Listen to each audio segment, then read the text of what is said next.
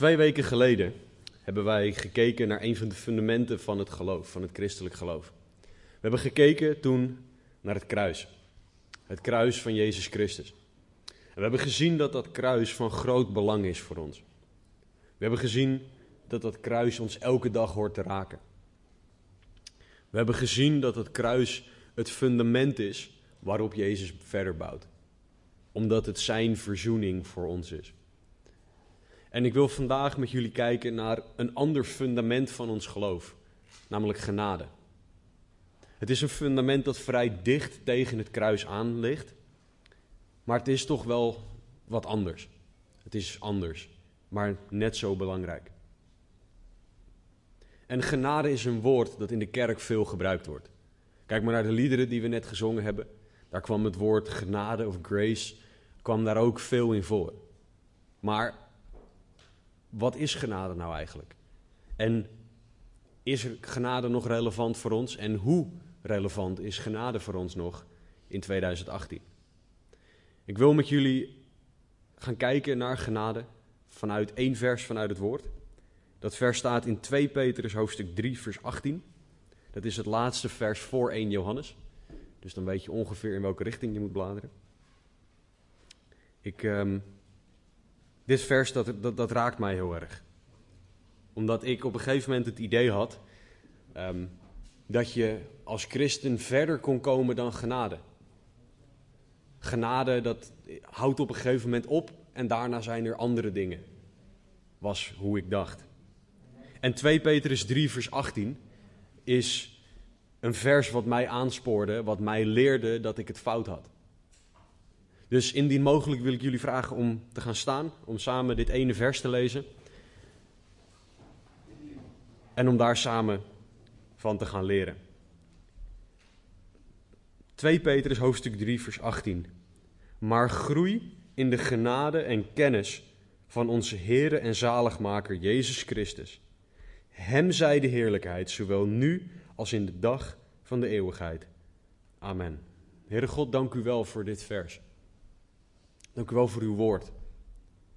Dank u wel dat u tot ons wil spreken vandaag door uw woord heen. Dank u dat de woorden die 2000 jaar geleden zijn opgeschreven door Petrus nog zo relevant zijn in 2018. Heere, leer ons alstublieft wat deze versen betekenen. Heere, schrijf het op ons hart, zoals uw woord dat zo mooi zegt. En Heere, trek ons naar u toe vandaag.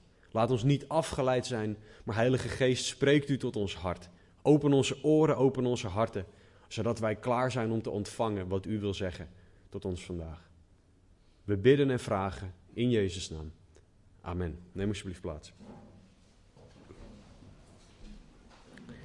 Om genade beter te gaan begrijpen, gaan we met z'n allen dit vers induiken. En dat gaan we doen, zoals ik wel vaker doe, aan de hand van drie punten. We gaan eerst eens kijken, omdat we het over genade gaan hebben. Eerste punt, wat is genade nou eigenlijk? Ik ga proberen om er een definitie aan te geven. Het tweede punt waar ik met jullie naar wil kijken is iets wat Petrus zegt: groei in de genade. Hoe kan je groeien in de genade? En het derde punt dat ik wil maken komt ook uit het vers 2 Petrus 3:18. Petrus zegt: groei in de genade en kennis van onze Heer en Zaligmaker, Jezus Christus. Wat hebben genade en kennis van Christus met elkaar te maken, is het derde punt. Dus we gaan kijken naar wat is genade, hoe kan ik erin groeien en wat heeft genade te maken met Jezus Christus kennen. Nou, als we naar het begin gaan, wat is genade? Hele relevante vraag als we dat onderwerp willen bestuderen. Genade is een woord dat 187 keer voorkomt in de herziene statenvertaling. Dat wilden jullie natuurlijk altijd al weten. Het eerste vers waar dat in voorkomt is Genesis 6, vers 8. En het laatste vers is Openbaring 22, vers 21. Dus het komt van voor naar achter, komt genade voor in de Bijbel. Paulus is degene die het woord het meeste gebruikt. Hij gebruikt het 144 keer. Dus dat betekent dat de rest van het woord maar 43 keer genade noemt en Paulus 144 keer. Paulus die had echt door dat genade iets belangrijks is. Paulus wilde ook dat wij snappen wat genade is en dat we genade praktisch maken. En de, de woordenboekdefinitie van genade is iets wel krijgen dat je niet verdient. Wij krijgen redding van God die we niet verdienen. Je hebt ook barmhartigheid, dat is iets niet krijgen wat je wel verdient. Wij krijgen de straf niet die wij wel hadden verdiend. Maar genade is dus, in de technische definitie, iets wel krijgen dat je niet verdient. Oké, interessant. Om het nog interessanter te maken is, is het Griekse woord dat gebruikt wordt charis, dat een brede betekenis heeft. En voor de echte Bijbelnerds, het stamt af van het woord gyro, mochten jullie dat willen weten. En het komt erop neer dat je bovenmate blij bent. En dat het voorspoedig gaat met je. Dat zou het idee kunnen wekken dat als God genade aan ons geeft, dat het alleen maar voorspoedig gaat met ons. Maar is dat wat God tegen ons zegt wanneer Hij genade uitstort? Nou, genade is dus iets krijgen dat je blij maakt. En, en het is een cadeau dat ervoor zorgt dat het voorspoedig gaat. Maar, maar wat betekent dat nou en wat maakt het nou praktisch? Ik heb nou alleen maar een hele hoop technische dingen gezegd. Laten we kijken naar de eerste keer dat het woord garis gebruikt wordt, wat in Lucas 1, vers 30 is. Daar zegt een engel het volgende tegen Maria: Wees niet bevreesd, Maria, want u hebt genade gevonden bij God. Maria vond genade in Gods ogen. En voor haar betekende dat praktisch dat zij een kindje kreeg dat ze niet verdiende. Want dat kindje zou een zegen zijn voor haar en voor de rest van de wereld. Maria ontving niet iets, maar iemand. Dus voor haar was genade Jezus ontvangen.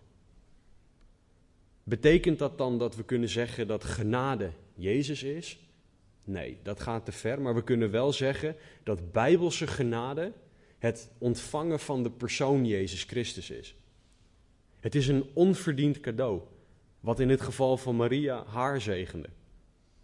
Maar als we dan teruggaan naar die definitie die zegt dat genade ervoor zorgt dat het goed met je gaat, voorspoedig gaat, ging het dan alleen maar goed met Maria? Nou, het antwoord daarop is nee. In het latere leven van Jezus Christus lezen we niks over Jezus' vader. We lezen alleen dat hij de zoon van Jozef was, maar we lezen nergens dat zijn vader nog in de picture was. Daarmee zeg ik niet dat Jozef is weggelopen. De Bijbelcommentatoren denken dat Jozef is overleden. Dus misschien had Maria wel dat zij een alleenstaande moeder was van minimaal zes kinderen. Dat kunnen we ook uit het woord opmaken. Zij was arm, want toen ze Jezus ging opdragen in de tempel, bracht ze het offer dat voor de armen was. Dus aan de ene kant zegt de Bijbel, zij krijgt garis, genade, wat ervoor zorgt dat het voorspoedig gaat met haar. En toch fysiek had ze het niet breed. En ging het niet per se geweldig met haar. Want ook uiteindelijk stierf haar zoon nog, Jezus. Geen ouder zou zijn kind willen overleven. Maar Maria deed dat wel. Dus genade heeft niks met fysieke of blije omstandigheden te maken. Want het ging niet per se beter met Maria nadat ze deze genade had ontvangen. Wat doet genade dan wel voor ons? Nou, genade doet het volgende. Genade is wat mensen redt, zegt Efeze 2. Het is iets dat wij niet verdienen, die redding, maar toch van God krijgen. Genade is dat wij alleen in Jezus Christus eeuwig leven hebben, zegt Romeinen 6, vers 23. Genade is alleen in Jezus Christus überhaupt te vinden, zegt Romeinen 5, 18. Door zijn offer aan het kruis mogen we genade ontvangen. Door genade is het mogelijk om God te dienen, zegt 1 Korinthe 12, vers 4.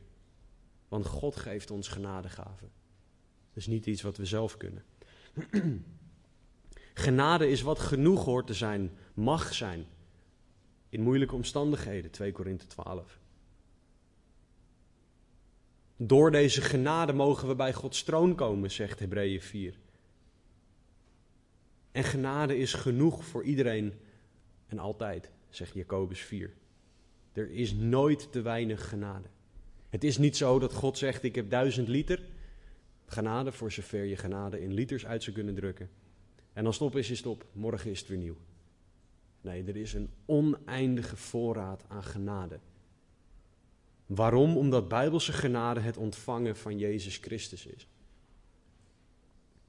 En wat we gezien hebben is dat de Bijbel letterlijk vol staat van genade. Van voor naar achter komt genade voor in het woord.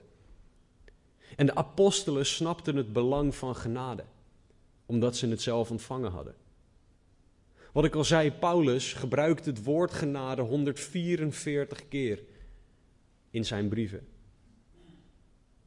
Maar waarom? Omdat hij voordat hij tot geloof kwam, christenen vervolgde, in de gevangenis zette, waarschijnlijk ook zelfs gedood heeft.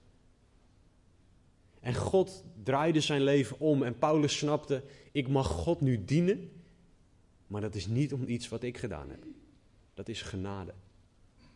En daarom is Paulus zo vol van die genade en wil hij dat wij als kerk dat snappen en dat vastgrijpen en ermee aan de slag gaan. Petrus, die het vers schrijft waar wij vandaag naar kijken, die had Jezus drie keer verlogend. Hij zegt, ik ken hem niet. De tweede keer, ik ken hem niet. De derde keer zegt hij, ik mag vervloekt worden als ik deze Jezus ken. Zo ver ging Petrus om Jezus te verloochenen. En Jezus herstelde hem. Jezus zei: Voed mijn schapen, hoed mijn schapen, voed mijn schapen. In het einde van het Evangelie van Johannes. Ook Petrus snapte: Ik mag God nu dienen. Niet om iets wat ik gedaan heb. Ik heb helemaal niks gedaan om dat te verdienen. Het is genade en genade alleen. De apostelen willen dat wij Gods genade leren kennen. En daardoor praten zij over genade en leggen ze het uit aan ons. Dus wat, wat is genade nou? Nou ja, genade is genade. En dat klinkt misschien heel stom, maar dat is, dat is zo omdat het niet te definiëren is. Een tijd geleden was ik in Oostenrijk en daar was een wat oudere voorganger, Bob Claycamp. En die stond op het podium en die zei: Ja, zeker de wat jongere voorgangers, zei hij, die zullen met een technische definitie komen. Of die komen met de afkorting in het Engels, grace.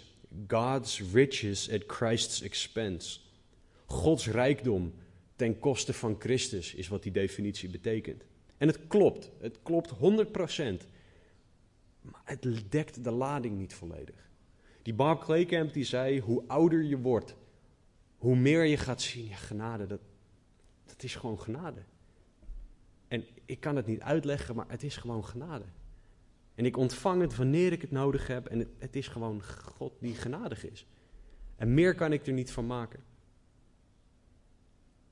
Genade is iets dat wij mogen ervaren. Ik noemde het al op het moment van redding. Op het moment dat wij bij Jezus willen komen. Op het moment dat wij in moeilijke omstandigheden zitten.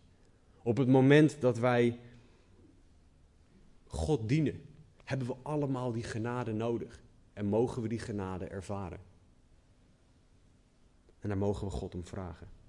Genade is God die zichzelf gaf aan ons. En dat is wat wij elke dag nodig hebben. Gods genade is Jezus die aan de mens gegeven wordt. Een persoon. Hij is de belichaming van Gods genade. Want ik weet één ding en dat is dat wij Jezus op aarde niet verdiend hebben. Dat is genade. Daar mogen wij altijd op terugvallen. Het is Gods cadeau aan ons, wat elke dag klaar staat, in overvloed. Maar het ding met een cadeau is dat wij het wel aan moeten nemen. Een van de nadelen van een definitie geven van genade is dat je heel snel dit doet. Je handjes achter je rug en gaat staan kijken. En gaat staan bewonderen hoe fantastisch mooi dat cadeau is. En dan ga je het analyseren. En dan ga je erover praten. En over filosoferen en God voor danken.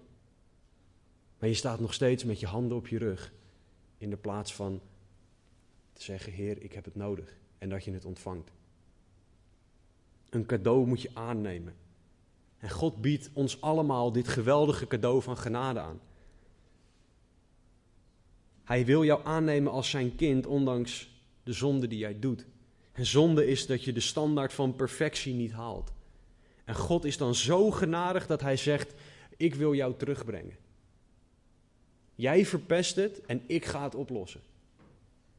Jij maakt een probleem en ik ga, het, ik ga ermee aan de slag. Dat is genade. En de vraag is dus: bied jij of neem jij het cadeau dat God jou aanbiedt, neem je dat aan?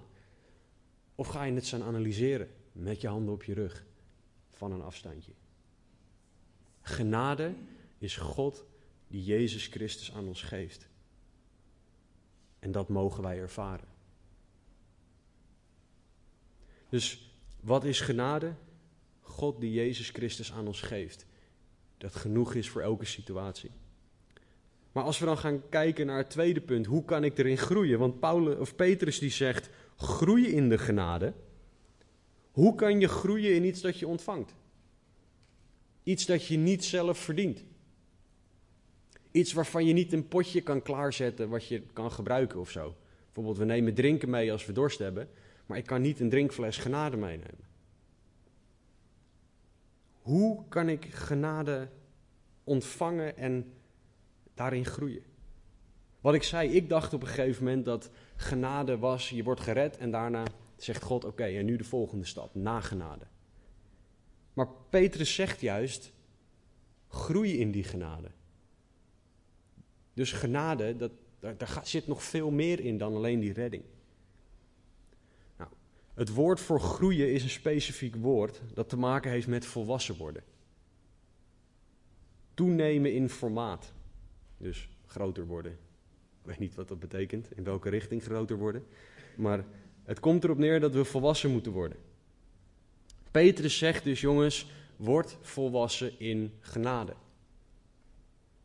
En hij zegt het ook niet met een alsjeblieft. Of het zou heel fijn zijn als. Petrus gebruikt hier de gebiedende wijs.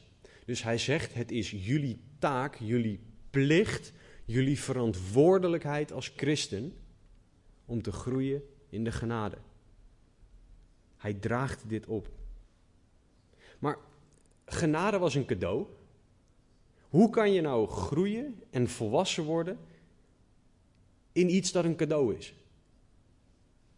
Klinkt een beetje raar. Nou, er zijn twee dingen die ik kon identificeren waarin wij moeten groeien als het aankomt op genade. De eerste, en is misschien wel de belangrijkste, is dat je het leert ontvangen. Het tweede is dat nadat je het ontvangen hebt, je het ook door mag geven. Maar genade is een beetje als de mazelen, je kan het niet doorgeven als je het niet hebt. Dus vandaar dat we gaan beginnen met dat we moeten leren om genade te ontvangen. Dus God wil dat wij leren om Zijn genade te ontvangen. En daarbij hoort dat we leren vertrouwen op genade, niet op eigen inzicht. Daarbij hoort dat we gaan zien dat Zijn genade genoeg is en niks anders. In 2 Korinthe 12 legt Paulus ons uit dat hij een geweldige ervaring met God gehad heeft. Hij legt uit dat hij in de hemel geweest is en dat hij onuitsprekelijke dingen gezien heeft. En na die fantastische ervaring kreeg Paulus een doorn in het vlees en een engel van de Satan. Ik zal daar nu niet verder op ingaan. En hij vraagt aan God: haal dit van mij weg. Tot drie keer toe. En in die situatie zegt God het volgende tegen Paulus. In 2 Korinthe 12, vers 9, het begin van het vers staat: Mijn genade is voor u genoeg, want mijn kracht, zegt God, wordt in zwakheid volbracht. Dus genade voor Paulus was in zwakheid compleet afhankelijk zijn van God. Dat is niet leuk. Deze wereld leert ons om stevig te staan, stevig in je schoenen staan om goed voor jezelf te zorgen, om voor jezelf op te komen. En God zegt: Ik wil dat jij zwak bent. En dan zal jij mijn genade veel meer begrijpen en ontvangen. En zal je erin groeien. Paulus moest leren, de grote apostel Paulus moest leren om genoegen te nemen met genade. Of het nou goed met hem ging of niet. Of dat hij nou rijk of arm was. Dat hij honger had of overvloed aan eten. Hij moest vertrouwen op genade. Daardoor kon hij groeien in de genade. Laat heel duidelijk zijn, ik zeg niet nu dat wij allemaal een doorn in het vlees moeten hebben. Of een engel van de Satan die ons met vuisten slaat, zoals Paulus dat zegt. God gebruikte deze situatie om Paulus dingen te leren. Maar ik kan denk ik bijna jullie allemaal wel vragen wat de momenten zijn waarop je het meeste van God geleerd hebt. En dat zijn niet de momenten waarop alles fantastisch ging. Waarop je compleet kon vertrouwen op de standaard dingen die je altijd hebt. De momenten waarop je het meeste van God leert, is wanneer je in de diepe vallei bent. Wanneer het tegen zit. Omdat je dan niks anders kan dan terugvallen op genade. Hij kan zeggen, heren, uw woord zegt dat uw genade genoeg is. Laat het alstublieft zien, want ik heb het zo hard nodig. God gebruikte deze situatie om Paulus te leren over genade. En ik denk dat Paulus het snapte. Want als we kijken naar de rest van het vers in 2 Korinthe 12 vers 9 en het vers erna. Dus 2 Korinthe 12 vers 9 en 10 zien we Paulus' reactie. Daarom zal ik veel liever roemen in mijn zwakheden. Opdat de kracht van Christus in mij komt wonen. Daarom heb ik behagen in zwakheden, in smadelijke behandelingen, in noden, vervolgingen, in benauwdheden om Christus wil. Want wanneer ik zwak ben, ben ik machtig. En dat is omdat God zijn genade dan uitstort. Gods genade is er altijd, ook wanneer het goed gaat. Maar wij merken het veel meer op wanneer het leven tegenzit, omdat we dan niet anders kunnen. En sommige lessen zullen wij alleen leren in de moeilijke situaties van het leven. God gaf genade aan Paulus.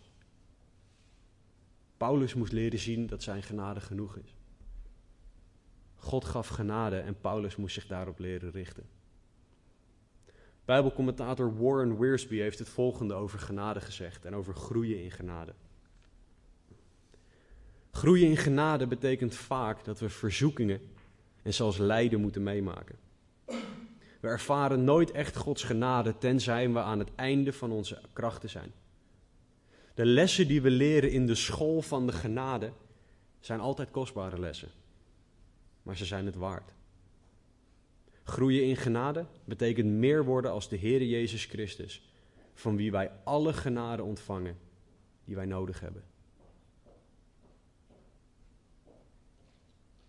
Soms moeten we door verzoekingen en lijden heen gaan om genade beter te leren kennen.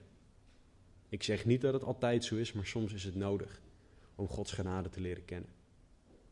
Ik zeg verder van dat jij de genade niet kan leren kennen wanneer het alleen maar goed gaat.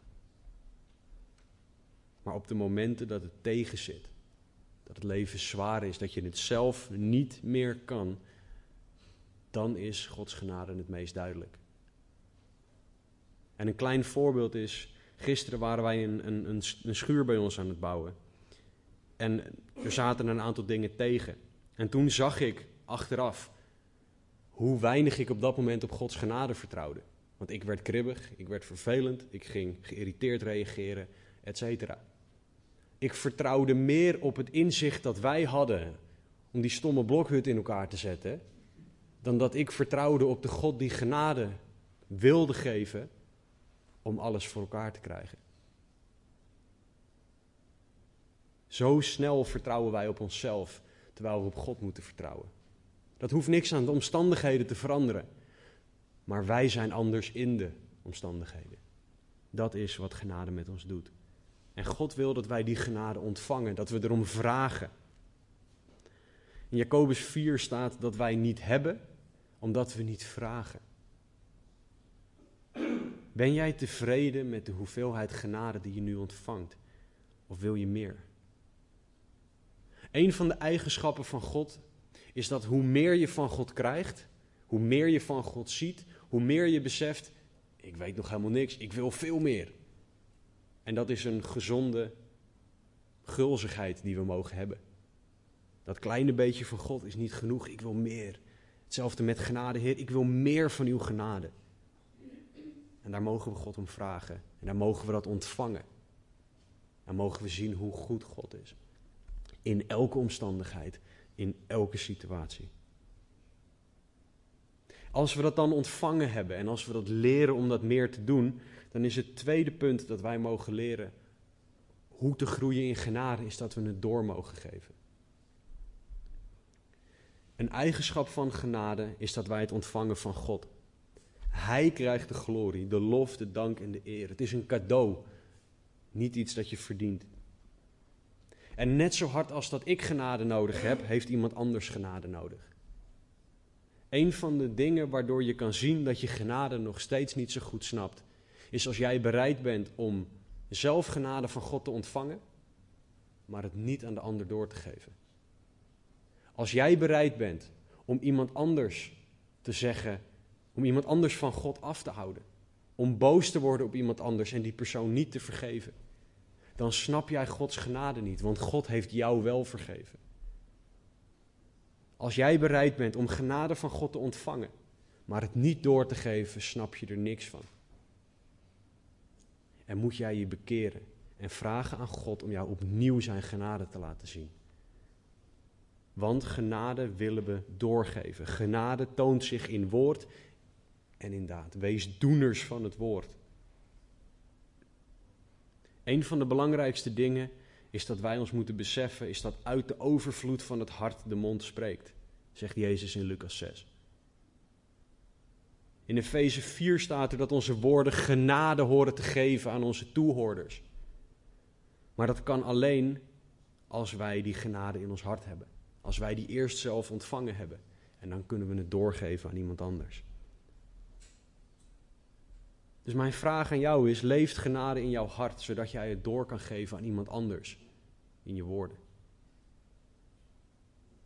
Een onderdeel van het volwassen worden, zie ik langzamerhand, is mensen dingen leren die, is anderen dingen leren die je zelf ervaren hebt.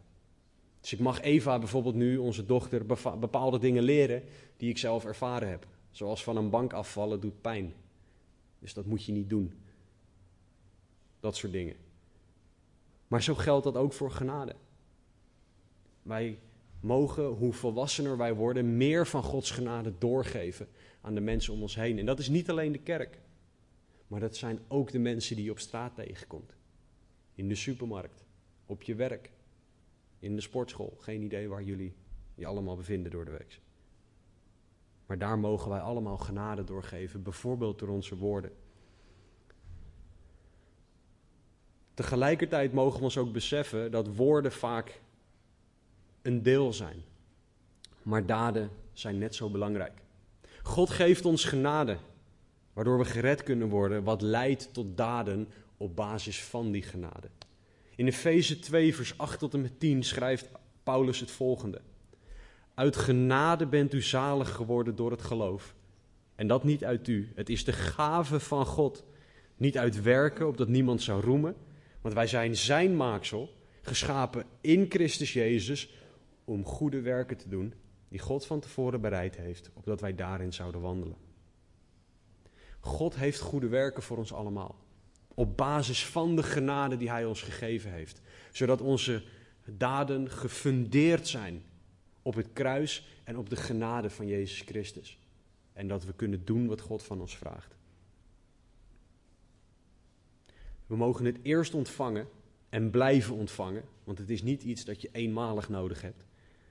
En daarna mogen we het doorgeven. En nogmaals, je kan genade vergelijken met de mazelen, je kan het alleen doorgeven als je het hebt. Dus jouw woorden en jouw daden kunnen alleen genade geven aan iemand anders als jij het eerst van God, niet eerst van God ontvangen hebt.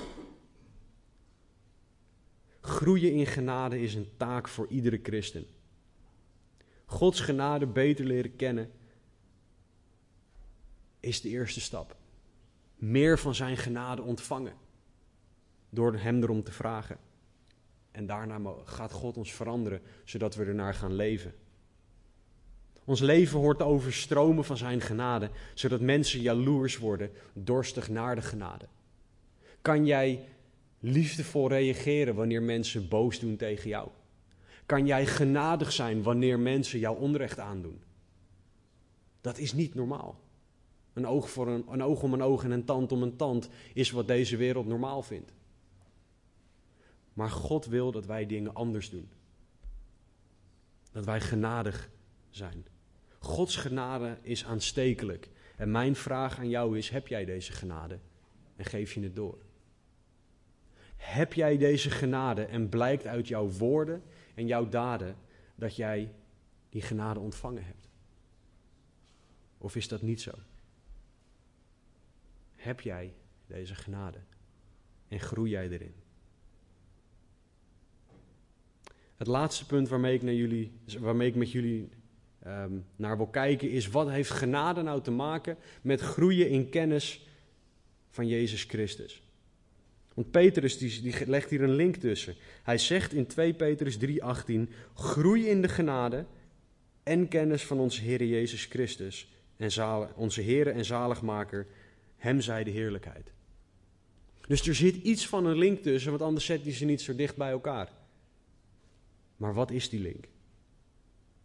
Het woord voor kennis dat hij hier gebruikt is een woord dat gaat om een proces van leren kennen. Petrus zegt dat wij in het proces horen te zitten van Jezus Christus elke dag beter leren kennen. En specifiek gebruikt hij hier de woorden Kyrios voor heren en Soter voor verlosser. En dat hebben, die hebben allebei te maken met genade. Hij zegt leer Jezus kennen als je Here. Het Griekse woord Kyrios. Een Here is iemand die je volgt, iemand die je, wiens bezit jij bent, iemand wiens wil jij wil doen. Jezus is onze Here. Wij zijn zijn bezit omdat wij onszelf overgegeven hebben op basis van zijn genade. Dus wij mogen hem beter gaan leren kennen als Here, omdat hij eerst genade over ons uitgestort heeft. Het is Zijn genade dat we dit überhaupt mogen doen. Tegelijkertijd mogen we Jezus leren kennen als onze verlosser, soter in het Grieks.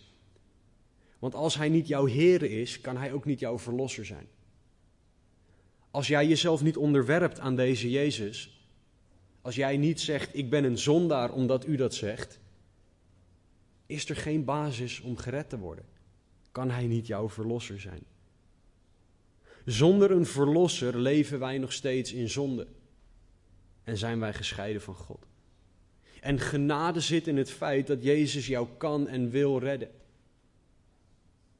Dat Hij jouw prijs betaald heeft. Dat Hij de verlosser van zonde en dood is. Dat is genade.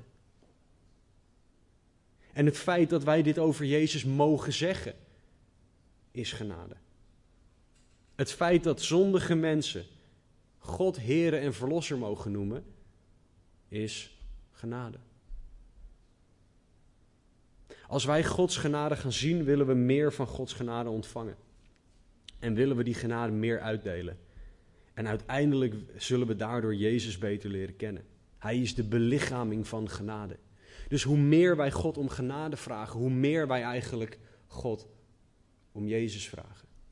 Want Hij is de belichaming van Gods genade. Hij is reden genoeg om genade te kunnen leren begrijpen en daarin te kunnen groeien. Hij is de reden dat wij genade kunnen leren begrijpen en erin kunnen groeien. Matthew Henry, Bijbelcommentator, heeft gezegd: Hoe sterker de genade in ons is, hoe sterker we zullen staan in de waarheid. Dus hoe kunnen we Jezus beter leren kennen en groeien in de genade? Ik zou bijna willen zingen, maar lees je Bijbel, bid elke dag, dat je groeien mag. Is het zo simpel? Aan de ene kant is het simpel. De woorden zijn makkelijk om uit te spreken. Maar doe jij het ook? Maak jij de keuze om al zit het tegen, al heb je eigenlijk ogenschijnlijk geen tijd of energie of zin om toch tijd in het woord en in gebed door te brengen? Kies jij ervoor om Jezus te willen leren kennen? Lees je Bijbel, lees biddend over God. Je kan Jezus in de hele Bijbel vinden. Zijn naam is alleen letterlijk in het Nieuwe Testament te vinden, maar zijn hart en zijn genade zijn in het hele woord te vinden. In de studie in Leviticus komen we continu tegen Jezus Christus, zijn genade, wie hij is. Matthew Henry, nogmaals, die heeft gezegd: werk om Hem duidelijker en meer te kennen. Om meer over Christus te weten en Hem doelbewust te leren kennen, zodat je meer op Hem zal lijken en Hem beter lief kan hebben. Maar wat was het eerste woord dat Hij zegt? Werk. Het kost tijd. Het kost energie. Het kost geen idee wat het jou kost. Petrus zegt: groei in de genade en kennis van onze Heer Jezus, van onze Heer en zaligmaker Jezus Christus. En dit vraagt tijd. Dit vraagt energie. En dit kost werk, inderdaad, zoals Matthew Henry zei. En de keuze is misschien om minder slaap te accepteren en God te vragen: Heer, ik wil u leren kennen. Laat mijn lichaam genoegen nemen met minder slaap. Ik heb dat gedaan. Ik ben het levende bewijs dat dat werkt. Ik was iemand die acht uur slaap nodig had. En nu krijg ik een stuk minder. En God die voorziet. Ik heb elke dag genoeg kracht. Ondanks dat ik ochtends af en toe denk, ik blijf liever even liggen. Er is een, een, een christen, ik ben zijn naam even kwijt, die elke ochtend bad voor blanket victory. Overwinning over zijn deken, want zijn bed lag zo lekker. En elke ochtend bad deze christen voor blanket victory. En dit was een christen die groots gebruikt is door God. Maar het begint met de keuze om hoe dan ook, koste wat kost, voor God te willen gaan. Misschien moet jij genade en Jezus Christus in moeilijke omstandigheden beter gaan leren kennen. Misschien is dat de manier die God wil gebruiken. Het kan ook zijn dat God eerst jou een fundament in het woord wil geven en in goede, rustige omstandigheden. Maar leer die genade beter kennen. Alles wat ik nu gezegd heb is iets wat je niet uit eigen kracht kan. Dus het is niet dat ik zeg en nu gaan we werken en zweten en om dit allemaal zelf te doen. In 2 Petrus 1 vers 3 schrijft Petrus het volgende. Zijn goddelijke kracht heeft ons alles geschonken wat tot het leven en de godsvrucht behoort, door de kennis van Hem die ons geroepen heeft, door Zijn heerlijkheid en Zijn deugd. Petrus zegt Zijn goddelijke kracht. Dit heeft niks te maken met eigen wil, eigen kracht, wat dan ook. Dit heeft te maken met zeggen: Heer, ik kan het niet. U zegt in uw woord dat u dit van mij vraagt. Ik kan het niet. U moet het in mij doen. En tuurlijk, God gaat je daarna aanvuren en moet jij de keuze maken. God gaat je in omstandigheden brengen en jij moet ervoor gaan. Maar het begint met afhankelijkheid van God. Het is niet zo dat als we de, de, de kurk maar uit de fles trekken, als we dat zelf doen, dat het dan allemaal wel komt. Er is geen kurk en er is geen fles, tenzij God dat geeft. We moeten het volledig vanuit Gods kracht doen. Het begint bij God, omdat Hij kracht moet geven. Dus verwacht het niet van jezelf. Wees ook niet teleurgesteld in jezelf als het niet lukt. Maar ga harder aan God vragen: Heer, ik heb u nodig. En geef mij de wil, het doorzettingsvermogen, de energie om dit te doen. Vraag het aan Hem. Het enige wat God wil is dat jij bereid bent. God is nooit op zoek naar mensen die het allemaal zelf kunnen. Jezus zei niet voor niets: Ik ben gekomen voor de mensen die een dokter nodig hebben. Niet voor de mensen die zeggen dat ze zelf genezen zijn. God kwam voor de mensen die het zelf niet kunnen. Als jij hier zit en jij Jezus nog niet kent, dan mag jij vandaag Hem leren kennen. Hij wil dat jij weet wie Hij is. Hij wil dat jij weet dat Hij geweldige zegeningen voor jou heeft. Dit is de God die voor jou gestorven en opgestaan is uit de dood. Jij bent iemand die zondigt, net als ik. Wat ervoor zorgt dat jij de lat van perfectie niet haalt. En of je hem nou op 2% niet haalt, of op 98% niet haalt. Mis is mis. Jezus droeg de gevolgen daarvan aan het kruis. En jij mag vandaag zijn genade zien, ervaren en voor eeuwig bij Hem zijn. Je mag God om vergeving vragen van je zonde, genade ontvangen en Hem beter leren kennen. Misschien geloof je al langer. En langer is een breed begrip. En gebruik je het woord genade in je gesprekken, zeker wanneer je met christenen praat. Maar mijn vraag aan jou is of jij nog wel echt weet wat genade is. Kan jij nog stilstaan bij genade en onder de indruk zijn? Kan jij nog stilstaan bij wat genade voor jou gedaan heeft?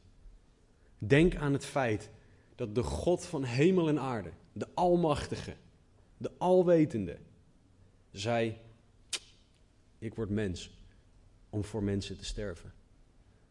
Dat is niet te vergelijken met wij die zo klein worden als een mier. Want dat is niks in vergelijking met hoeveel God afgelegd heeft voor ons. Raakt genade jou nog steeds? Is genade nog een fundament in jouw geloofsleven? Of is dat het niet meer? Genade hoort jou en houdt jou afhankelijk van de gever van genade, omdat genade een cadeau is. Dus we hebben gekeken naar drie punten vandaag. Wat is genade? Nou, weet jij nog wat genade is? Ben jij nog dankbaar voor genade? Als niet, vraag dan God om je hart te veranderen. Vraag God om jouw hart weer onder de indruk te maken van Zijn genade. Het tweede punt is dat je moest groeien in de genade. Groei jij nog in de genade of niet? Vraag jij God elke dag om meer genade? Weet jij dat je het zelf niet kan, maar dat je genade nodig hebt? Als niet, vraag dan God om vergeving, omdat je iets niet doet wat Hij wel van je vraagt. En vraag Hem om jou weer tot overstromen toe te vullen met Zijn genade. Vraag God of je Zijn genade opnieuw kan leren kennen.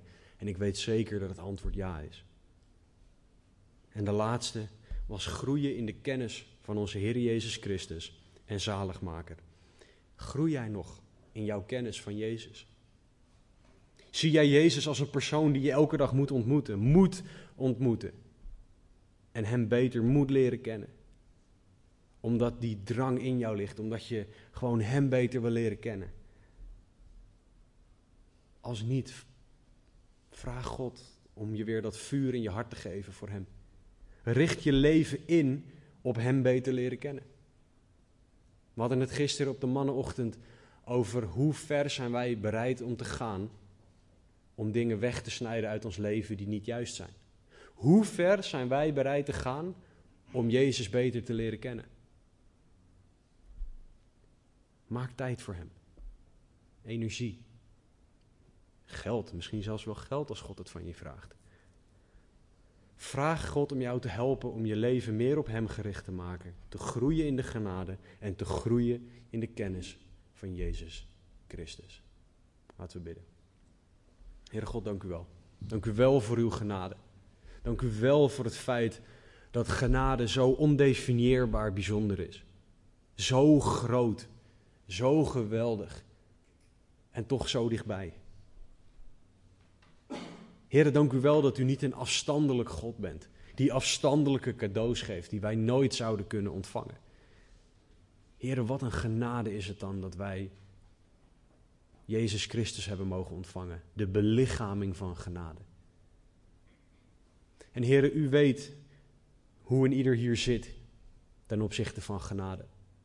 Heren, u weet waar onze gedachten heen gaan als wij aan genade denken. Misschien denken we überhaupt nooit over genade.